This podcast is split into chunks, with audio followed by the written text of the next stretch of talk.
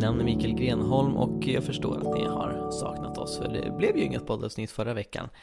Det beror på att jag har varit ute och rest en hel del från Lund till Stockholm. Stockholm lät ju inte så imponerande, men där har jag varit i vart fall. Eh, och eh, jag, jag, menar inte att det inte är imponerande för att jag inte gillar Stockholm, utan så här, jag bor i Uppsala så det är inte så här långt, typ om jag hade sagt så här från Lund till Luleå hade folk blivit mer imponerade tror jag. Men syftet med denna podcast är ändå inte att imponera på er. Förutom att resa och tala om apologetik, mirakler, det gamla vanliga, så har jag också deltagit i förvånansvärt många andra poddar den senaste tiden.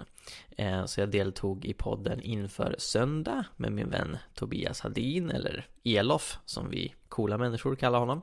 Eh, och den kan ni lyssna på. Jag var med i avsnittet om eh, domsöndagen, så vi pratade om eh, domen, Jesu återkomst, eh, evigt liv, vad som är alternativet till evigt liv. Eh, Tobias är, lutar åt universalismen, han kallar sig för hoppfull universalist. Eh, och tror att, ja, förhoppningsvis kommer alla eh, få, få evigt liv. Medan jag tror att eh, det finns en dubbel utgång. Eh, däremot så tror jag inte att den dubbla utgången handlar om två varianter av odödlighet, två varianter av evigt liv, utan att, att motsatsen till evigt liv är evig död. Så vi pratar lite om det. Och det kan ni lyssna på där. Dessutom så har jag deltagit när jag var i Lund i en podcast som heter Mata grisen. Eh, som drivs av Kim Malmqvist och, och som mest är väl en humorpodd fast avsnittet som jag var med i handlade om huruvida Gud finns och vi satt och, och debatterade om det i en timme.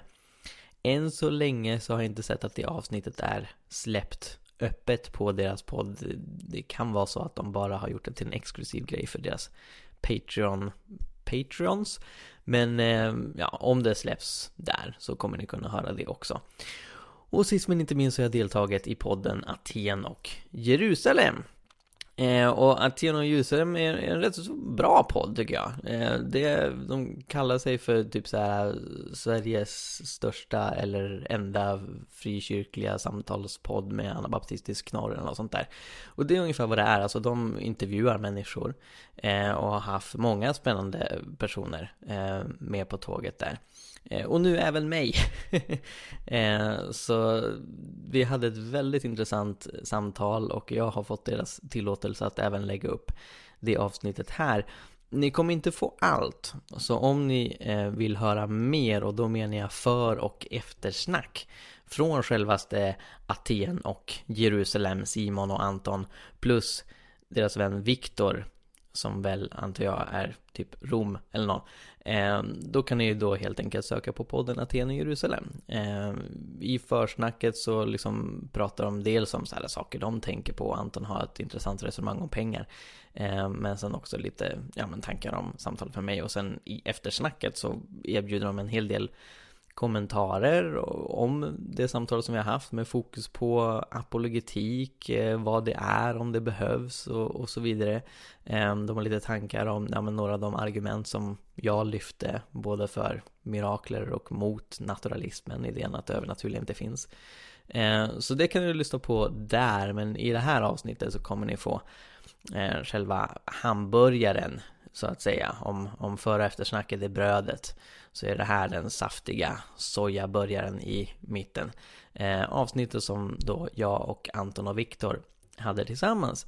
Eh, och förutom mirakler apologetik så gick vi in också på eh, ja men är jag kristen.nu och eh, kampen för konvertiter. Det här var innan som jag fick priset Årets opinionsbildare. För förresten, jag fick priset Årets opinionsbildare av dagen. Jag hade inte väntat mig det, men de tyckte att det här testet ärjagkristen.nu, har varit så bra för att lyfta frågan om konvertiter. Att de tyckte det var den bästa opinionsbildarsatsningen, kristna opinionsbildarsatsningen under året. Så otroligt tacksam för det. Eh, och det är förstås inte ett pris som jag står ensam i utan, utan Andreas Lundström som programmerade testet, utan Sofia Gabrielsson som kom med idén och hela nätverket Rätt till tro eh, så hade det inte alls varit samma eh, luft under vingarna. Eh, men i vilket fall, vi, vi pratar om, om det, Migrationsverkets kristendomsfrågor. Och sen kommer vi också in en hel del på min resa. Varför jag inte blev luthersk präst i mina föräldrars fotspår. Eh, varför jag har liksom valt en annan teologisk inriktning än dem och lite mer. Men nu ska jag inte hålla er på halsen länge utan här kommer mitt samtal med Anton och Viktor eh, från podden Aten och Jerusalem och som sagt om ni vill ha mer, om ni vill ha mer av deras kommentarer så rekommenderar jag verkligen att ni kollar in den podden också. Håll till godo!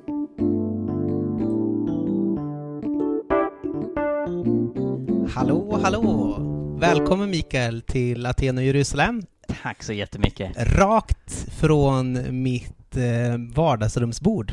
Ja, men precis. Jag är lite besviken att vi varken är i Aten eller Jerusalem. Nej, Men precis. Linköping Det är lite false branding, eller vad man ska säga. Att det, ja, Linköping och Örebro vore det riktiga namnet, men det vore så här, vad symboliserar Linköping? Vad symboliserar Örebro?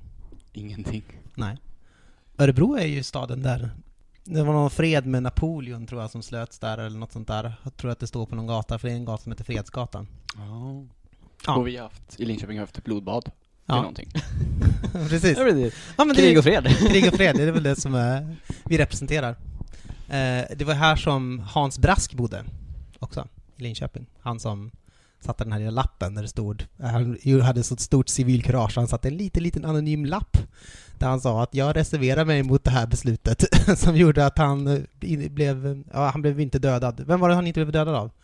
Han blev inte dödad av typ antingen Gustav Vasa eller Kristian Tyrann. Typ Kristian Tyrann var det säkert han inte blev dödad av. Eller? Mhm. Mm. Säkert. Och det är ursprunget till brasklapp. Brasklapp, ja. Mm, Precis. det. Mm.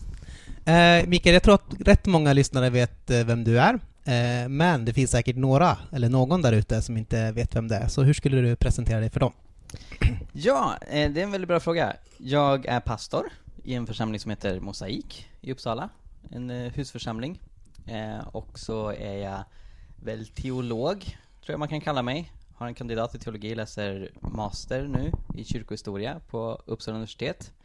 Eh, Bloggare, poddare, youtubare, författare, föreläsare, Mm. förundrad över Gud och skapelsen.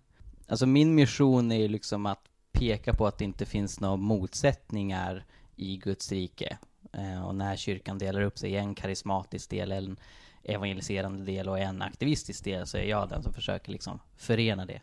Så på bloggen Hela Pingsten och i podden Jesusfolket så har vi försökt kommunicera det i, i flera år att vi behöver mer karismatisk aktivism där det sociala förenas med andens gåvor. Eh, men sen är det mycket annat som jag gör också. Även ordförande i Svenska Apologetiksällskapet, eller SAS. Mm. Och det är väldigt coolt att kunna säga att man är ordförande i SAS. Eh, även fast jag inte gillar flyg av miljöskäl. Mm. Men eh, i SAS så främjar vi liksom eh, dialogsamtal med främst ateister och agnostiker och argumenterar för en kristna trons sanning. Eh, så det är runda slängar det jag ägnar mig åt. Just det, det låter ju spännande. Vad skriver du din master om, eh, om man får fråga? Jag tänker skriva om eh, frikyrkliga vapenvägrare. Åh, kul. Ty det verkar inte finnas nästan någonting skrivet om dem. Det finns en avhandling om en debatt i Missionsförbundet på 20-talet om huruvida man ska vapenvägra.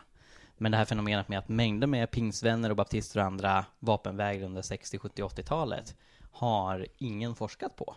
Mm. Och när jag insåg det så tänkte jag wow, kunskapslucka. Roligt att fylla i. Det var verkligen liksom default-läget på många sätt, alltså äh, vapenvägran. Så Det är ju intressant att den inte... Det här är liksom, grundläget är någonting som inte har utforskats så mycket. Och, Ja, och det är kanske också historielösheten Verkligen. som gör så att det är nu så många som tänker att det går att förena liksom krig och kristen Mm. tro. Frågan blev ju nästan irrelevant ett tag i Sverige i alla fall. Mm. Och sen nu har den börjat bli relevant igen, så det är Ja. jättepassande att, att ta upp det nu. Ja men precis. precis. Eh, Du kommer också från en rätt så namnkunnig familj inom Svenska kyrkan kan man säga. Eh, Men numera är du pastor i en liten, icke samfundsansluten Mhm. eh, församling. Eh, diggar anabaptism och eh, talar i tungor. Oh yeah. Yeah. Hur hamnar du liksom på den andliga resan? Ja, eh, både mamma och pappa är präster och professorer i teologi. Så liksom utifrån de gru- grundförutsättningarna så skulle man kunna tänka att ja, Mikael Grenholms bana är utstakad eh, i förväg. Eh, men i mina yngre tonår så trodde jag inte på Gud. Och det var inte en så här öppen rebelliskhet att jag gick runt och hade ateist tatuerat i pannan utan eh, det var mer liksom att, att eh, jag inte förstod poängen men jag tror på Gud, ingen av mina klasskompisar gjorde det. Eh, Gud fanns inte med i min världsbild. Eh, men när jag var 15 så hade jag en väldigt dramatisk omvändelseupplevelse. Eh, och det är en lång historia, men väldigt kortfattat så insåg jag att utan Gud så kan jag inte befrias från döden, då kommer döden fullständigt segra. Eh, men Jesus kan ge mig evigt liv, och när jag bad att Gud skulle bekräfta det och visa sig för mig så såg jag Jesus om natten eh, varje kväll i över ett år. Eh, så när jag slöt ögonen så såg jag en bild av Jesus framför mig. Det var mitt första konkreta bönesvar som jag kan minnas. Och det satte igång min andliga bana. I början så var jag ju då i Svenska kyrkan för det var där min familj fanns. Men jag tyckte att det fanns saker som jag läste om i Bibeln som jag inte såg i församlingen. Och jag tänkte väldigt simplistiskt utifrån liksom min ganska begränsade kunskap eh, som jag hade då.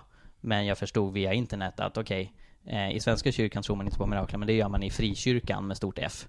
Så då går jag till frikyrkan istället. Sen har jag med tiden upptäckt eh, fantastiska svenskkyrkliga sammanhang, även om också dopsynen kom att spela en viktig roll, för jag blev väldigt tidig baptist. Eh, så sen så döptes jag i Korskyrkan i Karlstad, och när vi flyttade till Uppsala så hittade jag Mosaik och engagerade mig där. Och jag och min fru Sara är pastorer där sedan ett år tillbaka. Det känns som att det är ju det tycker jag verkar ofta vara ett traumatiskt liksom, ställningstagande för många, liksom, när man bryter med sin kanske tidigare svenskkyrkliga tradition, här med, med, att man troende döps. Så, var det liksom ett svårt eh, ställningstagande för dig, eller var det liksom mer eller mindre självklart? Um, jag var väl först lite besviken över att jag var barndöpt. För för mig var det så väldigt tydligt, det var när jag var 15 som jag blev kristen. Innan dess hade jag inte fattat någonting. Um, och liksom så här, jag hade inte brytt mig. Men jag tänkte okej, okay, gjort är gjort, nu är jag barndöpt. Sen så var det andra i Korskyrkan där jag började engagera mig som döpte sig fast de var barndöpta. Mm. Och jag liksom, wow, är det en grej? Ja men då skulle jag väl också göra det. Mm. Och, och, mamma sa ju liksom, ja, nej men jag välsignar dig på din väg, sa hon. Mm. Så jag håller inte med, men, men liksom, jag tycker det är bra att du väljer din egen väg. Pappa blev, blev ganska förbryllad över mm. detta, hade långa samtal med mig om har du verkligen tänkt igenom det här. Mm. Eh, men, men kunde också sälja det till slut. Eh, så för mig så var det inte nå, alltså, någon egentlig omställning i hur jag tänkte, för att när jag var passivt med i Svenska kyrkan, då tänkte jag inte kring dopsyn. Och när jag sen började tänka kring dop, det var när jag läste Bibeln och utifrån när jag läste Bibeln tyckte jag det var tydligt att det hängde samman med att själv komma till tro. Du har en rätt radikal Jesuscentrerad praktisk kristendom. Var det ett liksom frö som fanns slumrande i den tro som du, som du ärvde liksom något som du hörde om? Eh, eller var den, skulle kalla den för nyupptäckt? Jag skulle kalla den nyupptäckt. För att jag hade väl någon form av barnatro när jag var liten, bad Gud som haver tillsammans med pappa liksom på kvällen. Eh, men vi, vi pratade förvånansvärt lite om teologi hemma. Alltså den teologi som mamma och pappa pratar om, nu pratar de med liksom kollegor som kommer på middag och då är det långt över huvudet på vår nivå. Va? Eh, så det var så lite som, som vi begrep när vi var små. Eh, så nej men jag, jag hade liksom inte fått med mig någon liksom Jesuscentrerad teologi på det sättet, utan det var ju när jag själv började öppna Bibeln. Och jag gick direkt till evangelierna därför att det som lockade mig till Bibeln var just budskapet om evigt liv. Som jag för övrigt hörde en vanlig gudstjänst i Svenska kyrkan med trosbekännelsen. Vi tror på de dödas uppståndelse, det är evigt liv.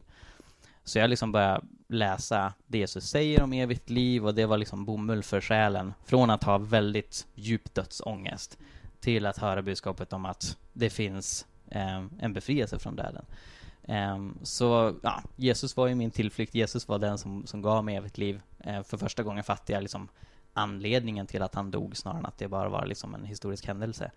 Ehm, så, så det var väldigt naturligt för mig att fokusera på Jesus. Och sen när jag kom till bergspredikan och ser hans etiska undervisning om att älska sina fiender och inte samla skatter på jorden och hjälpa de fattiga, då tänkte jag, okej, okay, och, och det, är liksom så här, det, var, var fascinerande enkelt och naivt av mig. Liksom bara, alright, okej, okay, då blir jag pacifist och eh, då, då, då, då, så, då så säljer jag mina tv-spel och ger pengarna till de fattiga. Alltså så här, det fanns ju en kamp där också, det var, det var liksom svårt att sälja GameCube, men Eh, det var något jag gjorde i lydnad och liksom utifrån hur, hur jag uppfattade Jesus. Eh, så för mig har det alltid varit en självklarhet att han är i fokus, att Nya Testamentet är i fokus. Eh, jag blev lite förbryllad när jag upptäckte att det fanns kristna som inte var pacifister. Och, och, och liksom förstod inte riktigt, okej, okay, så liksom och ofta hänvisar man inte minst till Gamla Testamentet och våldet där, men jag liksom tyckte det var så självklart att Jesus har den fullständiga auktoriteten, så det, det liksom mejslades fram, och i början så läste jag inte några teologiska böcker annat än Bibeln. Ehm, jag gick på gudstjänst i Svenska kyrkan, men det var inte så mycket som var relevant där, ehm, för att det var en väldigt så här ehm, gudstjänster anpassade efter barn och familjer. Så det var liksom berättelser och, och draman och sådär, men inte så mycket undervisning. Och allt det gjorde väl liksom var att, ja men det var min egna bibelläsning som formade ganska mycket. Och den var ju förstås inte neutral, den är ju baserad på min förförståelse och vilken översättning jag läser och så vidare. Men, men på något sätt kan jag ändå uppskatta det att jag inte krävde att någon tar mig i handen och ska leda mig in i en väldigt specifik samfundstradition. Utan jag satt själv med min bibel och landade i stort sett i samma övertygelse som jag fortfarande har. Och idag kan jag fördjupa dem ännu mer och motivera dem ännu mer. Motivera min Jesuscentrerade teologi, men liksom all, allt det var saker jag snappade upp ganska direkt när jag började läsa Bibeln. Men jag skulle också säga, att jag kanske inte har en, samma omvänder, eller vad man ska säga, alltså att det är en sån dramatisk eh, tid att jag inte trodde på Gud och sen så kom till tro på Gud. Men jag skulle säga att många av de grundläggande övertygelser jag började få när jag väl fick grundläggande övertygelser, eh, samma övertygelser som jag har eh, då som nu. Liksom. Det var bara att de har fördjupats lite och kanske fått lite andra, lite raster, extra raster kanske. Så, så mm. Intressant. Som också är baserad på liksom, läsning av evangelierna. Då. En bok som du nyligen har skrivit är Dokumenterade mirakler, vetenskap, helande och Guds existens. Jag tänker på ett sätt att titeln är rätt så självförklarande. Eh, du skriver om vetenskapligt oförklarliga tillfrisknanden efter bön, eh, VOTEB. Ja. Eh, och utifrån det argumenterar du för Guds existens. Men om man ska liksom dra samman punkterna lite grann, var går linjen från någonting konstigt har hänt till eh, Gud finns? Alltså det är en jättebra fråga. Och det tar ju för mig 300 sidor att förklara precis den linjen. Ger 30 något, något konstigt har hänt till att Gud finns. Och begreppet voteb är centralt här. Det står det som du sa, för vetenskapligt oförklarliga tillfrisknande efter bön. Christer Sturmark, som jag pratat med när jag skrev den här boken, håller med om att voteb finns. Och att det finns rätt så många. Han har ingen anledning att förneka det. Han menar dock att alla voteb beror på naturliga fenomen. Så när någon blir frisk efter bön och läkaren inte kan förklara det vetenskapligt, då är det för att det finns ett naturligt fenomen som vi inte upptäckt än med vår vetenskap. Och min tes är att det är teoretiskt möjligt, men det är osannolikt att alla voteb skulle bero på det. Så i boken samlar jag ihop över 50 exempel på när läkare säger att här har det skett någonting vi inte kan förklara och det går att se att det finns en tydlig koppling till bön. I flera av de här fallen så är det dessutom kombinerat med att man får ett profetiskt ord, en förutsägelse om man ska bli frisk, eller någon ser att en ängel kommer med ett budskap om att du ska bli frisk och så vidare. Och det brukar ateister vanligtvis avfärda som hallucinationer, och inbildning och så vidare, men när det staplas ovanpå att folk på riktigt blir friska på ett sätt som läkarvetenskapen inte kan förklara, då stretchas naturalismen ut. Så jag menar att här finns det ett, ett rätt så bra och, och rigoröst argument för miraklers existens. Och sen om man etablerar att mirakel är något som på riktigt finns, så tycker jag det är ganska enkelt att visa att det finns någon form av gud. Jag håller fortfarande på ett religionsneutralt plan. Så inom apologetiken så särskiljer man på Guds argument som är allmänna, generella, som även en muslim eller jude kan använda sig av, och de som är mer specifikt inriktade på kristendomen. Och jag har valt att göra det här till ett mer generellt argument. Så egentligen om någon kommer med voteb från en annan religiös tradition så omkullkastar inte det min typ av argumentation. För det jag ser att oberoende var vi hittar dessa voteb eh, så innebär de att mirakler finns, och om mirakler finns så finns en övernaturlig verklighet. Mm. Och vad förklarar bäst att den övernaturliga verkligheten existerar? Jag menar att det finns eh, en liksom allsmäktig grund bakom det hela. För man tänker sig en så här renodlad polyteism där det finns massa små gudar med litet g och ingen allsmäktig gud som liksom eh, står bakom dem eller avgör vilken av dem som ska ha vilken typ av kraft och så vidare. Då får man en ganska eh, ologisk och motsägelsefull verklighet. Och för vissa som typ hinduer, de bryr sig inte för att de brukar inte betona logik särskilt mycket. Eh, men i och med att hela resonemanget som jag har fört dittills har baserats på logik och det är något som ateister och naturalister normalt brukar gilla, eh, så tycker jag att eh, då bör man säga att det finns en gud i grunden. Även om miraklerna teoretiskt skulle vara orsakade av andra saker som änglar. Så det faktum att miraklerna sker innebär att det måste finnas en gud någonstans. Spännande. Vad skulle du säga var det som överraskade dig mest när du skrev den här boken? Det som överraskade mig mest var nog hur många Voteb som finns. Tyvärr så hann jag inte riktigt ta med lika många svenska fall som jag ursprungligen hade önskat. Jag kastade ut typ 20 metkrokar och av dem så var det 9 som jag faktiskt lyckades hova in. Um, främst på grund av att men, vissa har varit med om någonting spektakulärt men har svårt att få tag på journaler och sådär eller så. Men eh, även av de 20 så var det ett litet urval. Och sen har jag med ett gäng internationella fall då som är ytterligare 40. Och där finns det hur mycket som helst. Alltså om man bara tar katolska kyrkan, så de har ägnat sig åt att dokumentera Voteb i över 500 år. Så det finns en väldigt stor rikedom här. En studie från 2004 från USA visade att ungefär 55 procent av läkarna där har sett vetenskapligt oförklarliga tillfrisknanden. Och i och med att USA är ett väldigt religiöst land, där läkarna enligt samma studie i två tredjedelar av fallen själva uppmanar patienterna att be, så är det ganska rimligt att tänka sig att många av dessa oförklarliga tillfrisknanden sker i samband med bön. Och i och med att det finns en miljon läkare i USA, så hintar det om att ja, i runda slängar finns ett par hundratusentals voteb i USA. Eh, och, och det, det fascinerade mig väldigt mycket. Och, och, det är det som gör också att det blir lite svårt att skjuta det här argumentet ifrån sig. För Voteb är inte ett väldigt marginellt fenomen. Och som sagt, även en ateist som Christer Sturmark kan hålla med om, ja det här finns. Um, men jag tycker som sagt att det blir väldigt utstretchat och väldigt krystat. Att säga att Voteb alltid måste bero på naturlagar och naturfenomen som vi ännu inte har upptäckt. Och bara utifrån det relativt enkla filosofiska resonemanget så tycker jag att det är väldigt tydligt att mirakler är något som på riktigt sker. Eh, och jag hade inte varit riktigt så beredd på att det skulle vara så enkelt så att säga att, att faktiskt visa det.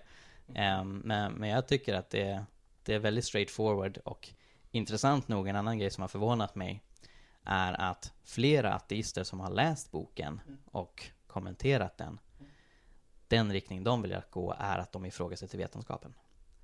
Så de ifrågasätter läkarnas vetenskapliga bedömning och hävdar att när de säger att det är vetenskapligt oförklarligt så begår de misstag. Och visst, det är teoretiskt möjligt att de går misstag, men det blir samma sak där. Hur sannolikt är det att det alltid beror på att läkarna har gjort fel? Ehm, och att de väljer att ta den rutten tycker jag talar för att argumentet som jag utvecklar är väldigt starkt. Ja, jag tycker du, du, slängde någon gång, tror jag, siffran 500 000 eller något sånt där. 500 000 Voteb eller något, mm. tycker jag har sett. Ja, en uppskattning. Jag kan säga att jag håller med dig rätt rakt av när det kommer till kritiken av naturalismen, alltså den här världsbilden som liksom och förhand utesluter eh, mirakler som en möjlighet. Men det som jag funderar på lite grann, det är om ett så här starkt fokus på mirakler som liksom tillfället då Gud agerar eh, på ett sätt gör Guds agerande lite väl begränsat. Eh, jag tänker så här, innan moderniteten och upplysningen och så, så fanns det ju ingen stark liksom, bodelning mellan övernaturligt och naturligt, utan Thomas Aquina kunde ju säga eh, nåden fullkomna naturen och så vidare. Och eftersom Gud inte är en del av skapelsen, inte är en sak i den, eh, så konkurrerar han inte heller om utrymme med naturen, så att säga, eller med skapelsen. Och dessutom tänkte man sig innan upplysningen att en händelse kan ha flera olika orsaker. Sen kom Ockhams rakkniv och rakade bort alla onödiga eh, orsaker.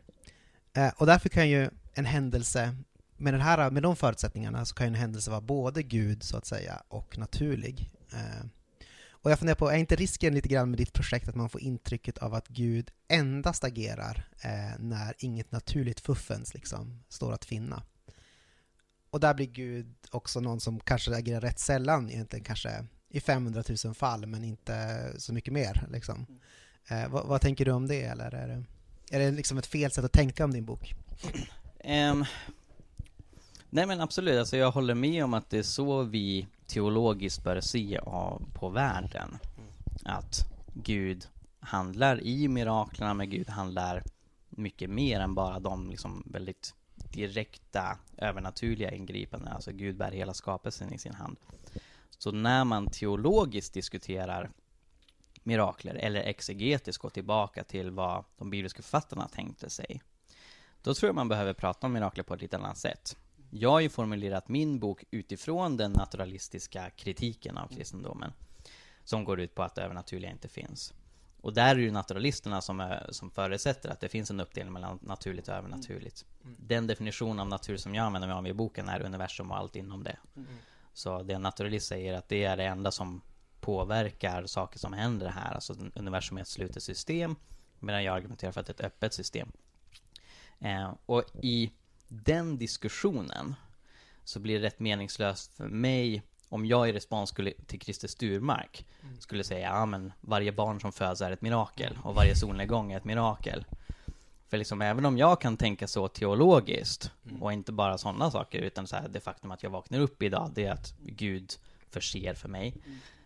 Christer Sturmark tycker inte att det är övertygande på något sätt. Tråkig, han är tråkig system på det sättet. Ut, utan det han vill säga, om, om, om du verkligen ska mena att, att det finns något utöver det jag kan se och röra på, då måste du ju peka på fall där det inte finns någon naturlig förklaring. Så, så jag håller med om att jag tror också att saker kan ha flera förklaringar, att Gud kan verka i det naturliga. Eh, men sen så tror jag också att det finns fenomen som ehm, alltså primärt har övernaturliga rotorsaker. Sen är det ju komplext därför att det jag fokuserar på är tillfrisknanden. Och det är inte för att jag säger att de enda mirakler som finns är helanden, utan det är för att hitta saker som är lätt att dokumentera. Jag går på läkarjournaler. Och alla tillfrisknanden involverar kroppar som är naturliga. Så miraklet här är ju att om man tar till exempel Maria Johansson som jag skriver, som höll på att bli helt döv. Eh, läkarna hade gett upp på henne, cellerna i hörselsnäcken hade dött, men på en gudstjänst får hon tillbaka hörseln. Och läkarna kan inte förklara det. Hennes läkare sa, du kan kalla det ett mirakel. Där är det ju ehm, inte en naturlig process som läkarna kan identifiera. De kan inte peka på ett specifikt enzym eller protein som gjorde det här, utan de står helt handfallna och säger här, här är någonting annat. Som det heter på engelska. Ja, nej men precis, precis. Eh, så, så, och det indikerar ju att det är något annat än det naturliga. Eh, men det involverar fortfarande det naturliga, nämligen Marias öron. Eh, så, så det är ju också det vackra i hur vi tänker kring sådana typer av mirakler, att eh, skaparen möter skapelsen. Himmel möter jord och så vidare. Och även om Bibeln inte håller begrepp som övernaturligt och naturligt så är det sådana begrepp om liksom, ja men det finns en skillnad mellan Gud och det skapade. Eh, det finns en skillnad mellan eh, att, eh, ja men en, en vardaglig handling och när Jesus öppnar ögonen på blinda och folk utropar det här har vi inte sett tidigare. Eh, så, så på grund av mitt projekts natur så, så har jag valt att prata om mirakler på ett sätt som, som eh, verkligen identifierar det, den gudomliga roten till det som sker.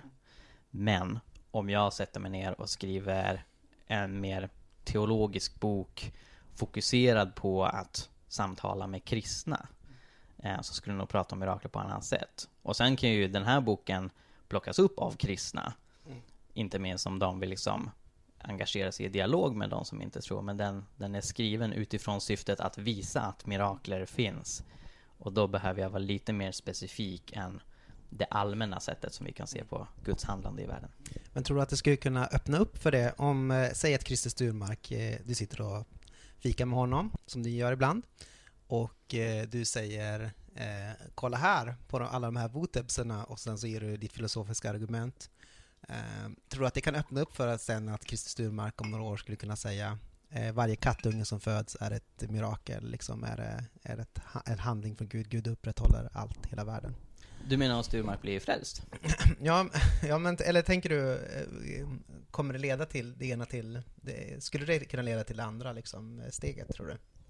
Ja, nej men absolut, för att om, om man väl blir kristen så är det mycket enklare att tänka sig att Gud ligger bakom även det vardagliga och så vidare. Mm. Men en ateist tänker inte att Gud ligger bakom det vardagliga för att en ateist tänker inte att Gud finns. Eh, så, så, så det tror jag. Eh, och möjligtvis kan man diskutera om vi, vi ska använda lite olika ord här.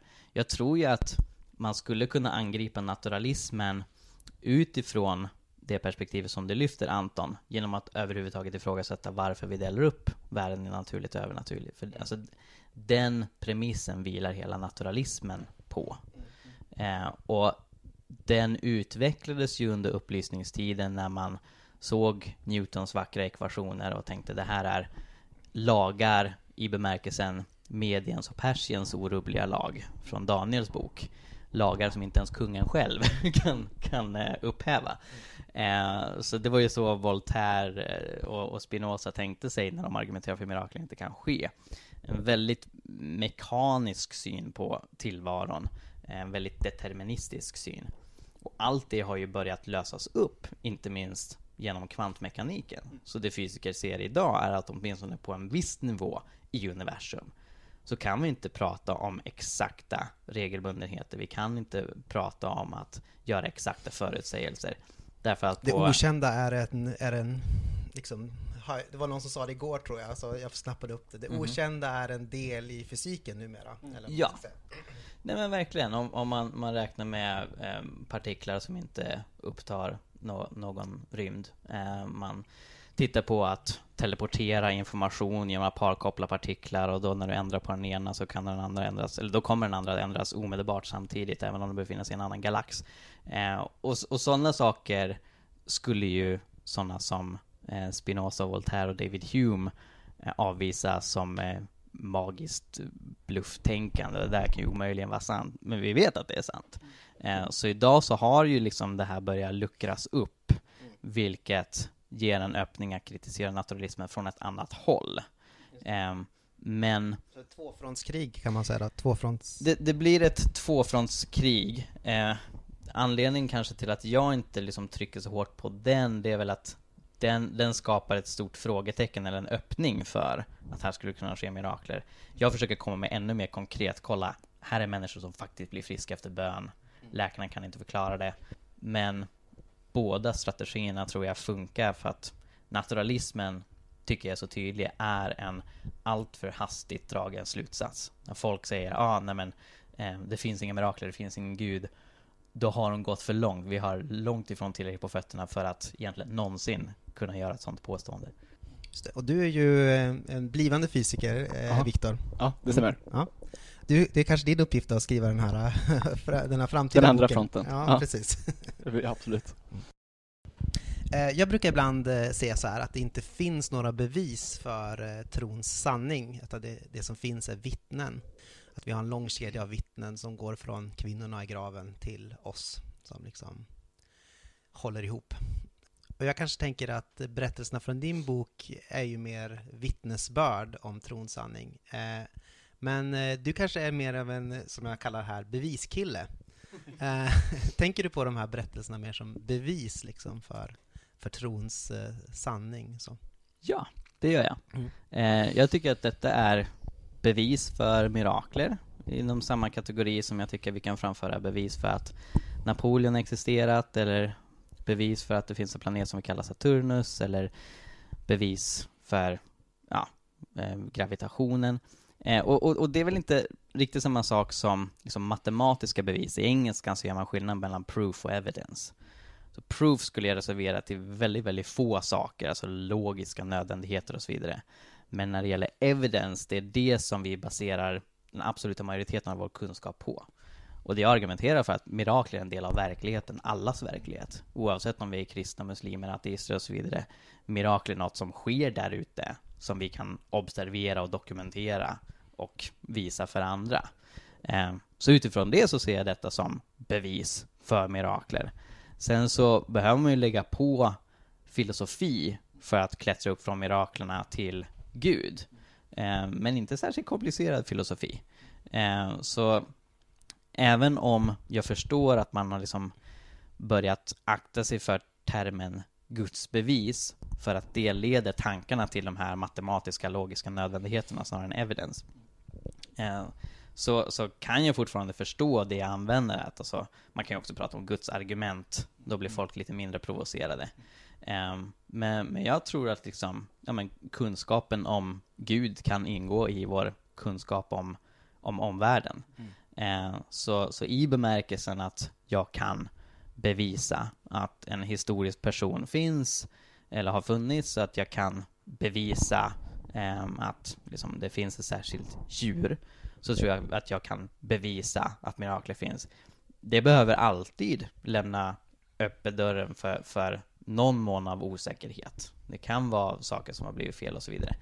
Men i synnerhet ju fler typer av bevis som man framför, desto mer osannolikt skulle det vara att hypotesen är sann, eh, eller falsk menar jag. Ehm, och, och det är därför som jag pekar på att det finns så pass många voteb.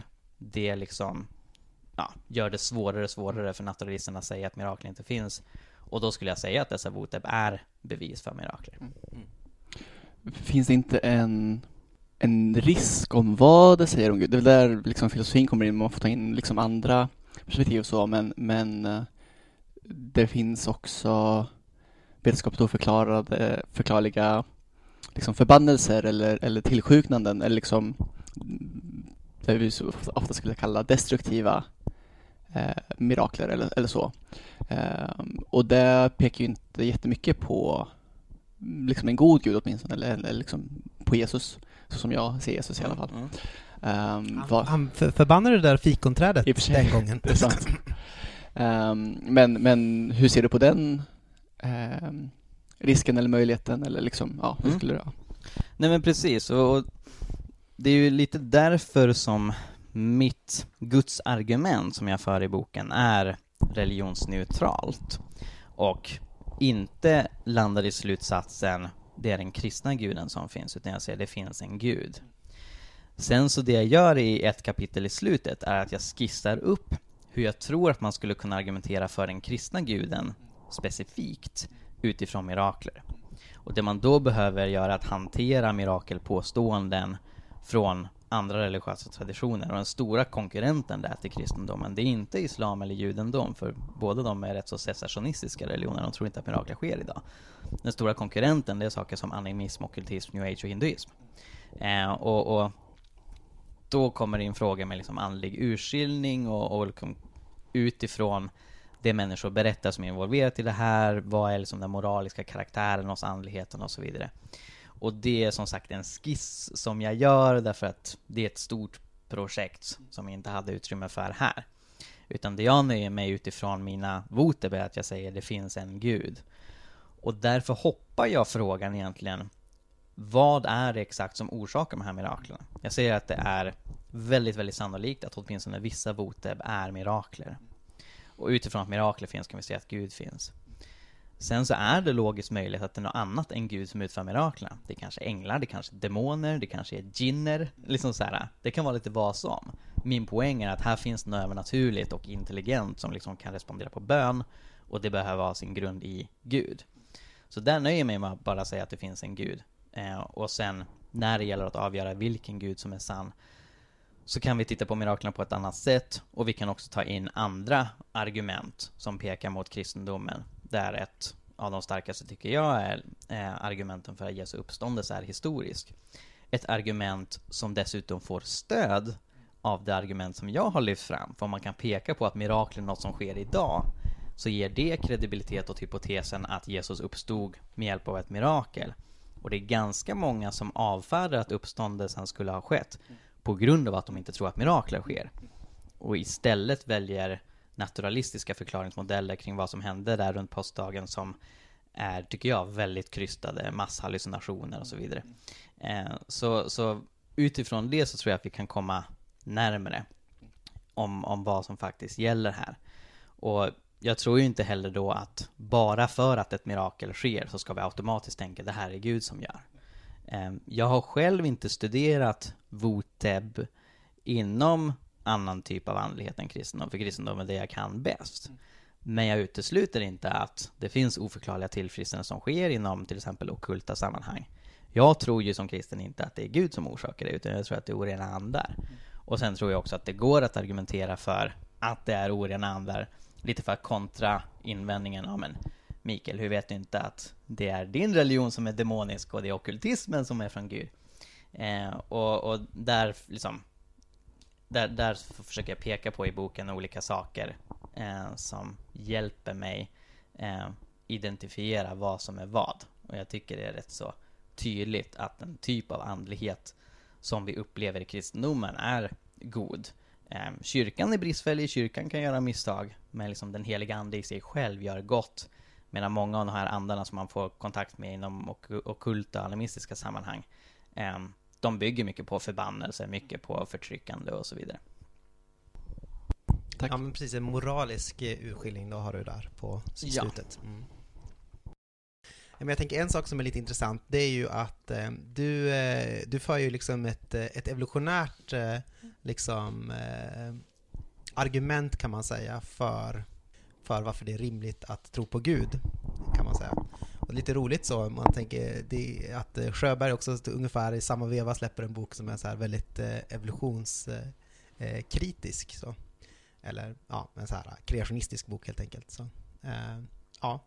Eh, hur tänker du om det, liksom, att, eh, att, eh, att du för liksom in den, den aspekten liksom, med, med evolution i, i diskussionen om eh, ja, i, i, diskussionen om Guds verklighet? Ja, alltså det du pratar om är Alvin Plantingas evolutionära argument mot naturalismen. Och jag tycker att det är ett av de snyggaste gudsargument som finns. Um, därför att det kommer från hans bok Where the Conflict Really Lies, när han diskuterar idén att religion och vetenskap står i opposition mot varandra. Och han tittar ju på detta utifrån ett strikt filosofiskt perspektiv. Så han undersöker, finns det någon filosofisk, logisk motsättning mellan ett, Gud finns, och två, evolutionen har skett? Och han ser det inte. Ehm, det kan finnas en motsättning mellan ett, ett särskilt sätt att tolka Bibeln, men sen är det ju också så att det finns mängder med kristna som inte gör den bibelläsningen, fortfarande tror på Gud, fortfarande tror att Jesus uppstått från döden. Så i strikt mening går det inte att peka ut liksom en logisk motsättning mellan att evolutionen har skett och att kristendomen är sann. Men det Plantingen identifierar är att det verkar finnas en logisk motsättning mellan att evolutionen har skett och att naturalismen är sann.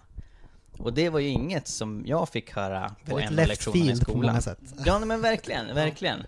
Och, och det, det, är därför jag tycker det är så spännande. Sen som någon som är ungjordskreationist och så vidare kan använda det argumentet utifrån att ateister själva tror på evolutionen. Så man behöver inte själv säga att evolutionen har skett för att använda Plantingas argument. Eh, och jag för fram det i ett kapitel där jag diskuterar olika anledningar utanför den här mirakeldiskussionen att ifrågasätta naturalismen. Bara för att liksom får ner naturalismen från sin höga häst i tron att liksom jag vet bäst och mirakler är orimlig gammal skåpmat liksom så. Um, och, och, och, det är därför som jag lyfter fram det. Um, förlaget hade lite, lite frågor kring det. Um, så. och ja, nej men, och, och jag sa nej men, att, att uh, oberoende vad man själv tycker om evolutionen så går det att använda det här argumentet Sen så anser jag, jag är ju, vad heter det, evolutionär teist, teistisk evolutionär. Teistisk, ja, jag vet inte. evolution. evolutionär kreationist, mm. Tror jag också man kan kalla det. Så, så jag tror att Gud har använt evolutionen, men argumentet Evolutionär bygger inte kreationist, på det. förlåt jag avbryter dig, men mm. evolutionär kreationist är ju ett väldigt snygg term. För mm. att den ja, men precis. kopplar ihop saker som verkar lite också left oxymoron. Ja, ja, Nej, men, nej, men precis. Mm. precis. Um, och väldigt kortfattat, jag har faktiskt nyligen skrivit en artikel för Svenska Apologetiksällskapet om det här argumentet som man kan kolla in. Um, men det Plantinga konstaterar är att om naturalismen är sann och evolutionen har skett eh, så finns det ingen mekanik, ingen princip i universum som ska garantera att våra tankar är sanna. Utan det enda som spelar roll är ju att organismer överlever. Och man kan tänka sig en organism eh, som har tankar som gör att den överlever. Mm. Även om sakinnehållet i tankarna är helt uppåt väggarna. Så exemplet som jag gör i blogginlägget är om vi tänker oss dels en groda som tänker att den är en groda som äter flugor och ska hitta en grodhustru att eh, föda grodyngel med. Eh, och den kommer överleva. Men vi kan också tänka oss en groda som tror att den är en drake och som skjuter på flygande sjöhästar med laserstrålar eh, istället för att äta flugor och så vidare. Alltså har massa vanföreställningar. Och så länge de vanföreställningarna gör att den grodan beter sig likadant som grodan som har korrekta tankar, så kommer den också överleva och föra vidare sina vanföreställande gener till nästa generation. Så det går inte utifrån naturalismen att säga vilken väg kommer evolutionen välja? Varför skulle evolutionen bry sig om sanna tankar? Och då blir det liksom, ja men bara 50-50 om huruvida eh, evolutionärt utvecklade organismer tänker sanna tankar eller ej, vilket inkluderar oss. Så då måste naturalisten säga, ja ah, nej men det är 50-50 chans att mina tankar är tillförlitliga. Och det är lite för lågt om man verkligen ska betrakta sig som tillförlitlig. Så Plantinga menar att här kör man in i en återvändsgränd och enda utvägen är att förneka antingen evolutionen eller naturalismen. Eh, för om man tänker sig en teistisk styrd evolution, att Gud skapar genom evolutionen men ändå styr den, då kan han se till att våra tankar kommer vara sanna. Men en sån mekanism finns inte i en naturalistisk evolution. Sen har vi ju också, vissa av våra tankar är ju osanna. Alltså allt. Ja, ja Så. absolut. Alltså, det, det, Men- är ingen, men- det är ingen argumentation för, för eh, felfrihet. Nej. Utan, utan det är ju så här, om, om man ska säga mina tankar är inte tillförlitliga, då kan jag inte lita på en enda. Inklusive det jag nyss uttryckte. Mm. Så, Ja. så, så det är en återvändsgränd. Ja, Sen kan man absolut Fair. säga att jag, jag kan tänka fel ibland. Men man kan inte säga att jag har ingen aning om någon som helst tanke är sann. Mm. Eller man kan säga det, men då är man per definition irrationell. Vi byter ämne lite grann. Du är nominerad till Årets opinionsbildare av tidningen Dagen. Eh, detta bland annat för ditt arbete med testet Är jag kristen nu? Ett internetquiz där inte ont anade klickare får ställas inför en mängd orimliga frågor som Migrationsverket ställer till konvertiter som riskerar utvisning om deras tro inte anses äkta. Eh, kan du berätta lite vad födde fram det här testet? Ja, alltså det här är ju rätt fantastiskt. Eh, min vän och församlingsmedlem Sofia Gabrielsson lyfte strax innan förra julen eh, på så här, sista gudstjänsten vi hade innan alla skulle åka från stan och fira jul. Um, Mikael, vore det inte häftigt om så här, äh, man gjorde ett test där människor fick svara på de här absurda frågorna som Migrationsverket ställer till konvertiter? Alltså, jättebra idé. Och direkt så, så um, ringde jag upp min kompis Andreas Lundström uh, som kan en hel del programmering. Jag brukar kalla honom för en modern da Vinci därför att han kan programmering och musik och after effects, filmredigering och sen apotekare och han, han gör allt. Va? Eh, och han, han gick också he, alltså, helt igång på den här idén, pratade också med min vän Emma Andersson eh, som har skrivit flera år på hela pingsten eh, och liksom bolla idéer med henne. Eh, så det var ju liksom ett, ett gruppprojekt och det blev framförallt jag och Andreas då som sen tog det här vidare, kollade på hur man skulle kunna göra det. Eh, och, och han eh, programmerade testet utifrån frågor som jag då hittade via SVT Dagen, Världen Idag som har läckt ut från de här förhören. Så det är frågor direkt från förhör som Migrationsverket har hållit med konvertiter. Väldigt enkla simpla frågor som vad är skillnaden mellan protestantiska och ortodoxa kyrkan? Vad står i Matteus 10, eh, 34? Eh, kan du sakramenten? Hur många delar av Nya Testamentet? Eh, vilket nummer har Fader vår? Sådana grejer va? Vilket nummer har Fader vår? Ja, vilket nummer har det? Två? ja. och, det- och det är det som är lite tjusigt, alltså flera av de här frågorna märker man att det är folk som eh, absolut inte är kristna, men inte heller har någon särskilt bra koll på kristendomen. Liksom, man kan ju inte direkt ringa upp den protestantiska kyrkan och fråga vad skiljer er från den ortodoxa kyrkan? Ehm, men, men ja, så, så vi konstruerade det här testet. Vår plan var att först kontakta så här biskopar och kristna kändisar och teologer och göra liksom en, en beta hos dem, samla in deras resultat och sen gå ut med pressmeddelande och sådär.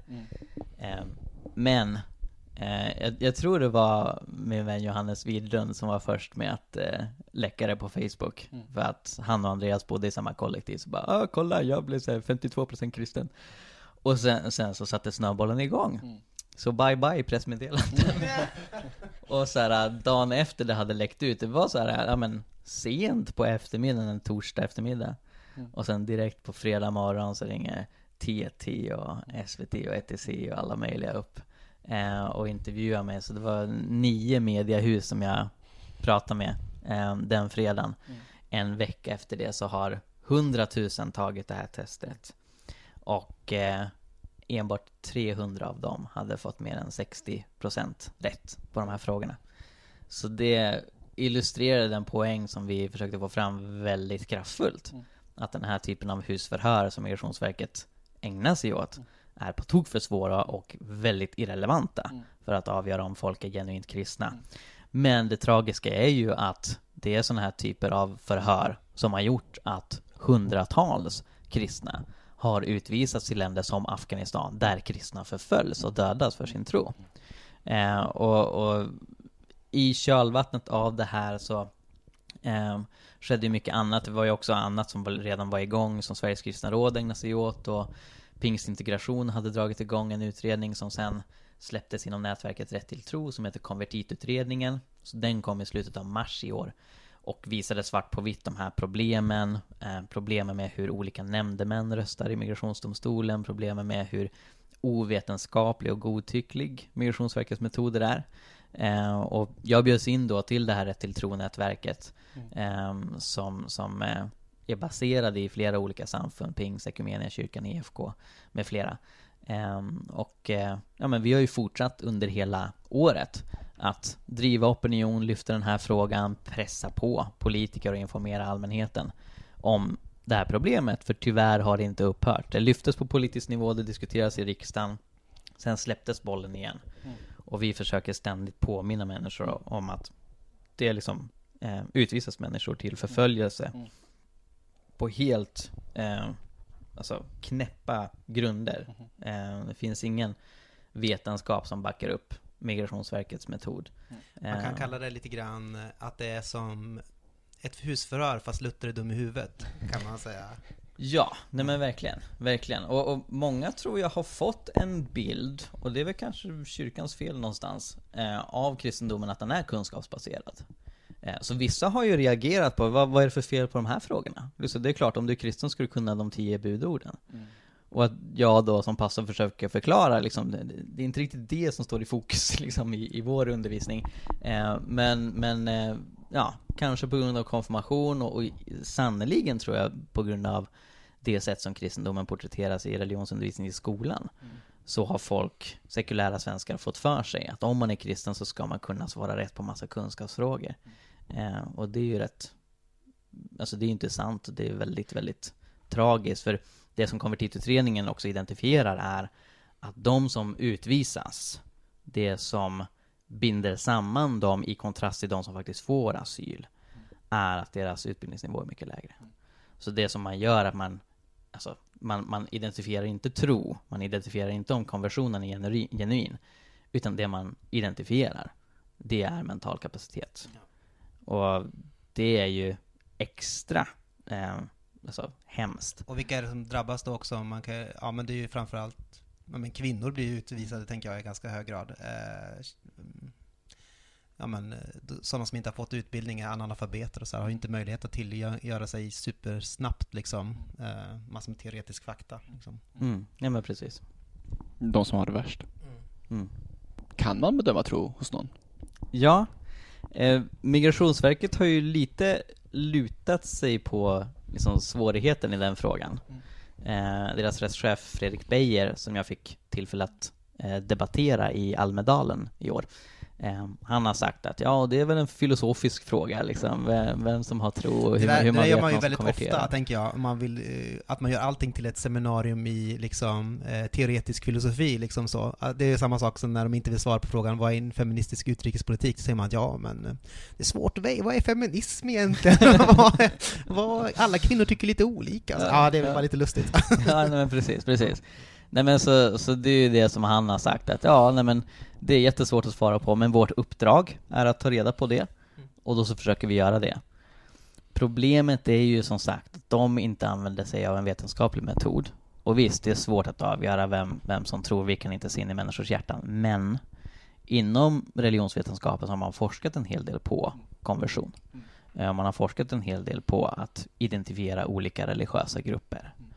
Och det man gör inom forskningen, och det som också används inom FN-organ, Unicef med flera, det är att man lägger väldigt stor vikt vid hur människor beter sig. Så om de går till en plats där man tillber tillsammans. Eh, om de själva kallar sig kristna i det här fallet. Om de läser Bibeln och ber eh, tillsammans med andra. Eh, det är något som väger väldigt tungt. Och förstås, om de döper sig, om, om pastorn eller prästen kan intyga att den här personen har döpts. Och det som är så, så otroligt tragiskt är att allt detta väger otroligt lite för Migrationsverket. Ehm, så till exempel dopintyg ehm, har nästan ingen roll alls i deras bedömning och hur ofta man går till kyrkan och så vidare. Det som kan ha en, en eh, eh, bedömningsfaktor hos dem, vilket är ganska absurt, det är om man går till olika kyrkor. Så det finns flera exempel på när de har eh, hävdat att en konvertitstro inte är genuin för att de både gick till en ekumeniakyrka och en pingkyrka. Och vi är ett ganska uppmärksammat Jag har fall hört talas om någon riktig kristen som går till Ja två men olika verkligen, kyrkor. verkligen, verkligen. Eh, nej men och i ett fall så, så är liksom i sitt utlåtande eller sin, sitt förhör så kallar de det för två olika sekter. Eh, vilket skapar en hel del medial rabalder. Och det bad Migrationsverket ursäkt för, liksom begreppet sekter. Men den här principen att de tycker att man är en konstig kristen, eller man kan inte vara genuint kristen om man går till olika kyrkor, det har dykt upp i fler förhör. Mm. Vilket är rätt absurt. Mm. Ehm, så med, med undantag för det så är det inte så mycket liksom hur man lever som, som väger tungt för Migrationsverket. Och det är ju då anledningen, eller en av anledningarna till att, till att konvertitutredningen kommer fram till att deras metod är ovetenskaplig. De lutar sig inte på någon religionsvetenskaplig forskning alls. Alltså det är inte ens att de har hittat någon obskyr metod Mm. som används långt, långt borta i, långt bort i stan. Som liksom skulle identifiera tro är bara vad man tänker innehållsmässigt, sakligt och om man har massa kunskap och hur man lever spelar ingen roll. Mm. Det är inte ens så, utan de har ingen vetenskap överhuvudtaget att vila sig på. Utan de har själva konstruerat en metod för att identifiera konversion. Som inte finns någon annanstans än möjligtvis eh, andra liksom, migrationsmyndigheter som står inför samma problem. Och, och, och det är ju ganska skräckfyllt. Och, och det är därför som vi också i opinionsbildningen kring detta har försökt lyfta det här eh, så att fler än kristna ska intressera sig för det. Och vi tittar även på att samarbeta med humanisterna för att de har ju också identifierat hur många som har blivit ateister hamnar i samma sits och utvisas till förföljelse. Eh, men det vi försöker peka på är att det här är en större fråga än att bara det, det är så synd och hemskt om de här kristna som blir utsatta. Utan vi behöver också prata om att en myndighet hittar på, på ett väldigt ovetenskapligt och godtyckligt sätt, eh, att identifiera människor som sen ska utvisas till farliga förhållanden. När det inte finns en vetenskaplig här och det finns inte särskilt mycket rättssäkerhet heller, för det man kunde se i konvertitutredningen angående nämndemännen är att Sverigedemokrater i 93% av fallen röstar för utvisning och vänsterpartister bara 15% av fallen röstar för utvisning. Och idén med nämndemannasystemet är inte att man ska rösta enligt partilinjer utan att de ska representera folket. Så när en sån rättsosäkerhet, godtycklighet och ovetenskaplighet får råda ostört inom en svensk myndighet, då är det ett hot mot hela samhällsstrukturen. För vilken myndighet står näst i tur? Då, då kan man, ja, men, inom polisen och det övriga rättsväsendet och sjukvården och allt möjligt, bara, ah, nej men vi tar en ovetenskaplig godtycklig metod istället, så ser vi vad som händer. Eh, och, och det är därför vi försöker engagera fler att öppna ögonen för det här och, och protestera mot det. Vad är det det kallas, det som är liksom under regeringen, en myndighet? Va? Nej, vad är det som kallas liksom steget myndighet? Och sen så är det re- regering och så sen så är det ett mellanskikt mellan liksom som Ja, ansvar- det är väl departement kanske? Ja, departement tänker jag. Det finns ju... Jag vet inte. Jag kommer inte på det. Men det var någon som har sagt till mig att liksom alla myndigheter har ju liksom ett kontrollorgan i princip, förutom Migrationsverket. Liksom. Migrationsverket har ju, har ju en domstol som kan bedöma enskilda fall, men de har ingen, ingen liksom så här överordnad eh, ska vi säga, departement eller något sånt där som liksom bedömer hur de utför sitt arbete. Så det är också en ganska stark eh, liksom, riskfaktor. Vad kan en Jesu efterföljare göra när frågan om konvertiters rätt till asyl och asyl över, överhuvudtaget verkar vara så politiskt död nu för tiden? Ja, alltså med politiskt stöd, menar ni att det är så många som har gett upp och eh, släppt fram främlingsfientlighet eller liksom Ja men tänker riksdagspartierna så känns det som att det är få som är, driver på linjen med en generös eh, flyktingpolitik eller att man ska se över utan Mhm. det, det som verkar vara den stora gemensamma linjen hos majoriteten av partierna är ju ehm, vi måste ha ett tak eller vi måste få ett andrum, vi måste se till så att det kommer färre asylsökande. Mm. Ja, men för att på ett sätt är ju frågan inte död i bemärkelsen vi har knappt pratat om något annat de senaste tio åren än migration. eh, och det har skett en radikal omsvängning. Mm. Så när SD kom in i riksdagen eh, 2010 så var ju alla andra partier emot dem. Eh, alla andra partier var överens om att även om invandringen skulle vara begränsad så skulle den vara generös, mycket mer generös än vad SD ville ha. Och nu har det svängt så att de flesta, möjligtvis med undantag för Centern, Vänstern och kanske Miljöpartiet, eh, åtminstone ett, ett ett bromsa alla teo- fall. teoretiskt miljöparti utanför regeringen eh, är, är väl liksom, ja, på SS sida. Och eh, det jag skulle säga är att jag, jag tycker att, att eh, vi, vi ska ta stor inspiration från rörelser som eh, Isis och Sverigedemokraterna. Eh, därför att de, de har varit briljanta på, på opinionsbildning, på att engagera människor, rekrytera människor. Sen deras värderingar är ganska dumma, eh, men Eh, alltså, det, det finns något där i liksom modet att eh, gå emot strömmen som Sverigedemokraterna har stått för. Och, och de var ihärdiga, så när alla andra partier säger något annat, när de blir liksom utfrysta, eh, utskämda offentligt, eh, många vågade inte säga att de var Sverigedemokrater och så vidare. De stod på sig. Alltså de hade en, en frimodighet och en stark ryggrad eh, som jag önskar att vi skulle ha ännu mer av i kyrkan. Eh, för kristna värderingar, genuint kristna värderingar, inte bara det som får etiketten kristna värderingar. Och när det gäller den här frågan så är Bibeln verkligen solklar. Alltså, vi, vi har identifierat, jag har ju skrivit en bok som heter Jesus var också flykting med Stefan Svärd. Och vi har identifierat över hundra bibelverser som konkret talar om migration, flyktingskap och budskapet genom både gamla och nya testamentet att välkomna, välsigna, ta emot, älska som dig själv. Eh, så liksom bibeltolkningen som behövs för att få fram någon slags invandringskritiskt budskap, den är otroligt krystad. Eh, så här, här kan vi vara väldigt trygga och säkra som kristna, att oavsett vad partierna säger, oavsett vad vindarna blåser i övrigt, så vi vet vad Guds vilja är i det här. Han vill att, att länder som har kapacitet att ta emot flyktingar ska ta emot flyktingar, förstås. Eh, så, så alltså där behöver vi stå fast eh, och eh, ja, men som, som Jesu efterföljare verkligen kämpa för detta. Vi har ju fått frågan varför fokusera på kristna konvertiter? Är inte frågan bredare än så? Är, är inte problemet liksom att människor inte får asyl oberoende av tro? Och, och så är det förstås. I Jesus var också flykting så pratar vi inte särskilt specifikt om kristna flyktingar. Utan vi pratar allmänt om flyktingskap, för det är den moral som utmålas i Bibeln. Det är inte, alltså budskapet i liknelsen om barmhärtiga samarien är inte att man ska fråga om samarien är kristen, utan budskapet är tvärt emot. Du ska älska den här oberoende vem det är. Va? Ehm, men det, det finns också en princip i Bibeln om att börja där man står, att liksom, utifrån de nätverk som redan finns i kyrkorna kan man börja välsigna och hjälpa andra kristna och sen liksom spiller det över på andra också. Så utifrån det är det också naturligt, om, om kyrkan inte lyfter konvertiternas situation så kommer ingen annan göra det. Eh, och, och ja, det, det jag har tyckt det har varit väldigt tydligt är att otroligt få kristna har argumenterat emot oss när vi säger att kristna inte ska utvisas till förföljelse. Det finns en person, som kanske inte ska nämnas vid namn, men som har utmärkt sig genom att i tidningen Dagen faktiskt på riktigt argumenterar för att kristna ska utvisas till förföljelse. Och han, han är ju själv kristen, men han liksom drivs av sin ideologi till det. Eh, och det är ju på ett sätt konsekvent, men på andra, å andra sidan vä- väldigt hemskt. Eh, I övrigt så liksom är, är vi alla väldigt förenade.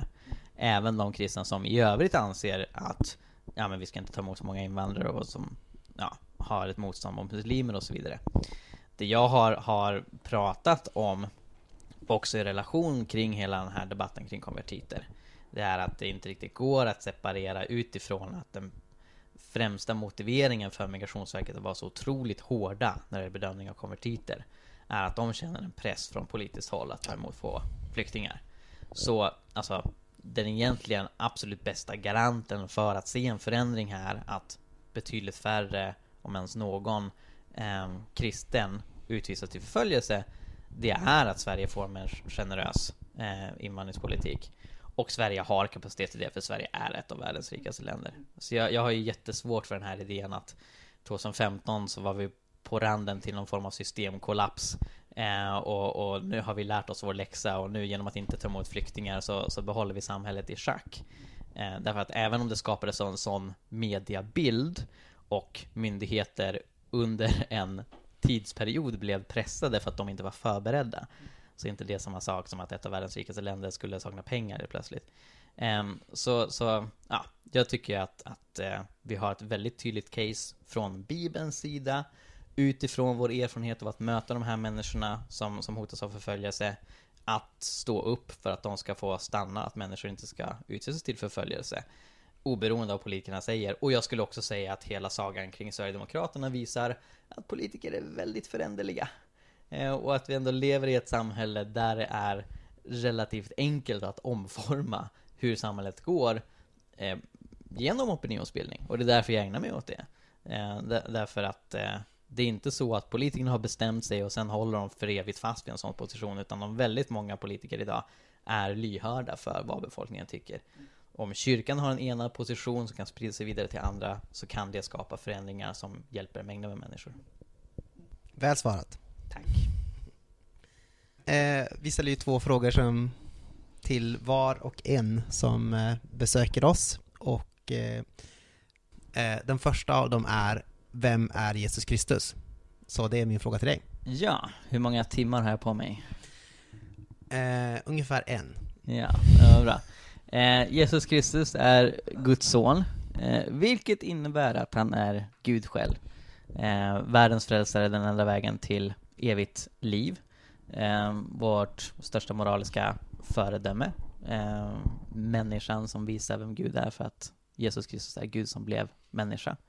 Världshistoriens viktigaste person. Eh, och jag tycker helt ärligt, jag vet att jag är partisk, men jag tycker helt ärligt att jag aldrig har stött på någon som säger så kloka och liksom, samtidigt kärleksfulla saker som, som Jesus. Så första gången jag öppnade Bibeln så verkligen golvades jag av liksom, vad är det här för röst som talar? Och jag har fortfarande inte funnit något annat exempel på en person som liksom har, ja men så, så mycket kärleksfull auktoritet i sina ord som Jesus. Eh, så Jesus Kristus är fantastisk. Gött. Amen. Um, vem borde vi intervjua härnäst? Eller kanske inte härnäst, men någon gång i den här podden. Har ni haft Johannes Widlund? Aldrig. Ni har inte det? Inte en enda gång. Ja. Eh, Johannes är då eh, en av mina bästa vänner och eh, han leder God Jord, mm. som är en kristen miljörättvisorganisation. Och eh, väldigt kunnig, väldigt bra på att prata. Mm. Eh, och eh, ja, men har, har erfarit mycket. Eh, så han har ju liksom ett miljörättvisefokus som han liksom badar i sitt, sitt karismatiska, pingstkarismatiska tänkande. Eh, och en väldigt härlig person, så mm. honom kan jag rekommendera varmt. Tack så mycket. Ja, då är det dags att säga adjö. Och eh, vi ses på andra sidan. Eller något. Hallå!